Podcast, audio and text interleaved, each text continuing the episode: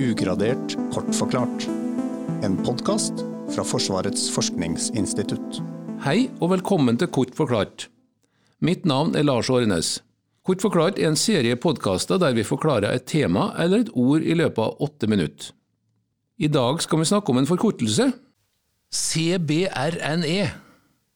En pussig bokstavkombinasjon som det er nesten vanskelig å huske hvordan uttaler, men det er, bak det så skjuler det seg en uh, trussel, eller egentlig ganske mange trusler. Uh, I studio har vi Hanne Breivik, forskningsleder ved avdeling totalforsvar ved FFI, og ansvarlig for det laboratoriet som arbeider med farlige stoff og substanser. Og Det hadde vært enklere å si ABC, hadde det ikke det, Hanne Breivik? Hva er det som skjuler seg bak CBRNE?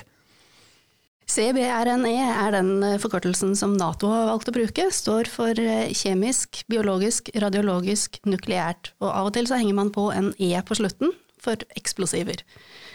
I tidligere tider det er ganske noen som er så gamle at de husker at det het ABC i det norske forsvaret, og det var da akkurat det samme. Atombiologisk og kjemisk. Og dette er noe vi egentlig er utsatt for hele tida, altså trusler fra den typen stoffer som disse bokstavene dekker. Hva er det dere gjør her på FFI som er viktig for å både passe på dette og kanskje forhindre det? På FFI har vi et eh, laboratorium som kan håndtere prøver som er helt ukjente, som kan inneholde alle disse bokstavene eventuelt i en blanding. Det er det som er spesielt eh, for vårt laboratorium. Det er andre laboratorier i Norge som kan analysere enkeltbokstavene, radiologisk eller biologisk.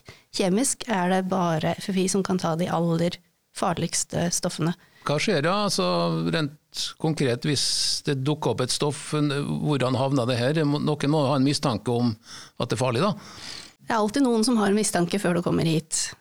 Politiet eier som regel et ø, åsted. Hvis det er et ø, utslipp, så kan det være brannvesenet som kommer først til stedet. Men det er nødetatene som tar avgjørelsen om er dette noe man trenger å ta en prøve av for å få analysert og finne ut hva dette kan være.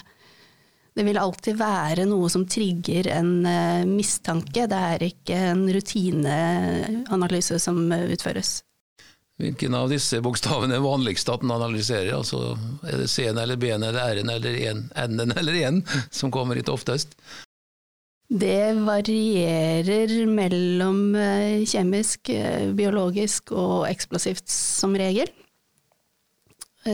Folkehelseinstituttet er jo de som får eh, pulverbrev hvis man er ganske sikker på at dette her er en potensiell biologisk trussel. Men hvis det er akutt helseeffekt på personer, så vet man som regel at det kan ikke være biologisk, for det har en inkubasjonstid. Det vil ikke komme der og da, så da vil det enten være reelt et kjemisk stoff som folk har vært utsatt for, eller det kan være ren psykisk reaksjon med at man tror at man har vært utsatt for noe farlig. Og da kan det også være veldig avgjørende å få gjort en analyse som kan si at nei, men dette var faktisk ikke farlig. For det vil også kunne avslutte en situasjon. Hvor fort kan du svare på en sånn ting, da, hvis det dukker opp et sånt stoff? Eh, innenfor normal arbeidstid så kan vi jo ta imot prøver så fort eh, politiet greier å få fraktet dem hit. Eh, Avhengig av hva stoffet er, så kan det ta fra noen få timer til noen dager å få et svar. Vi kan også avslutte analysen etter ønske fra oppdragsgiver. Altså er det nok å si bare 'dette er farlig', ja, nei, eller vil de faktisk vite ned i detalj hva det er? Og det vil jo selvfølgelig ta lengre tid å virkelig si hva dette her er. Du nevnte pulverbrev, du må forklare.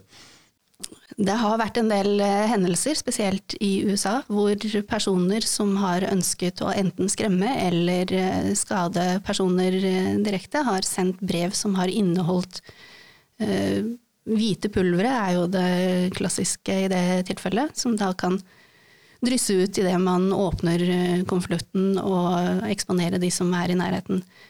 I USA så har det vært reelle tilfeller hvor det har vært antrakssporer, miltbrann, og det er som regel det man har mistanke om hvis det har vært noen forsøk i Norge også, men noen ganger er det de som utsettes for det, får akutte reaksjoner, og da må man i hvert fall utelukke om det er noe kjemisk til stede. Eh, dette laboratoriet som tar seg av CBRNE? Altså er det jeg innbiller meg at det, i en krigssituasjon så vil det være veldig viktig å ha en sånn beredskap, men det er det kanskje uansett? FFI har hatt muligheten til å analysere kjemiske stridsmidler i veldig lang tid. Og det er en kapasitet som vi har bygd opp og vedlikeholdt for Forsvaret. Og nå i senere tid så har den da også blitt stilt til disposisjon for eh, sivilsamfunnet i Norge. Som betyr at eh, alle etater, og for så vidt den som har mistanke om et farlig stoff, kan komme hit? Vi har en formalisert avtale mellom eh, tre departementer og FFI. Forsvarsdepartementet, departementet, Helse- og omsorgsdepartementet og Justisdepartementet har eh, undertegnet en avtale om at FFI skal drifte en 24-7 beredskapstelefon, hvor nødetatene kan ringe inn for å få råd rundt prøvetaking og analyse av farlige stoffer. Det er jo um, sikkert fryktelig vanskelig på et åsted som du nevnte, å vite akkurat hva en har med å gjøre. Så er det noen sånn tommelregel for hvordan du skal reagere hvis du tror det er et eller annet gærent? For den vanlige person så vil det jo være å ringe nødetaten for å få støtte. Ring 113? Vil vel heller si 110. Brannvesenet er eh, førsteinstansen på dette vanligvis. Da vet vi litt mer om CBRNE. Da vet vi litt mer om hva CBRNE er og innebærer. Tusen takk til Hanne Breivik, og takk til dere som hørte på. Vil du høre flere podkaster om det FFI arbeider med, så kan du gå inn på ffi.no.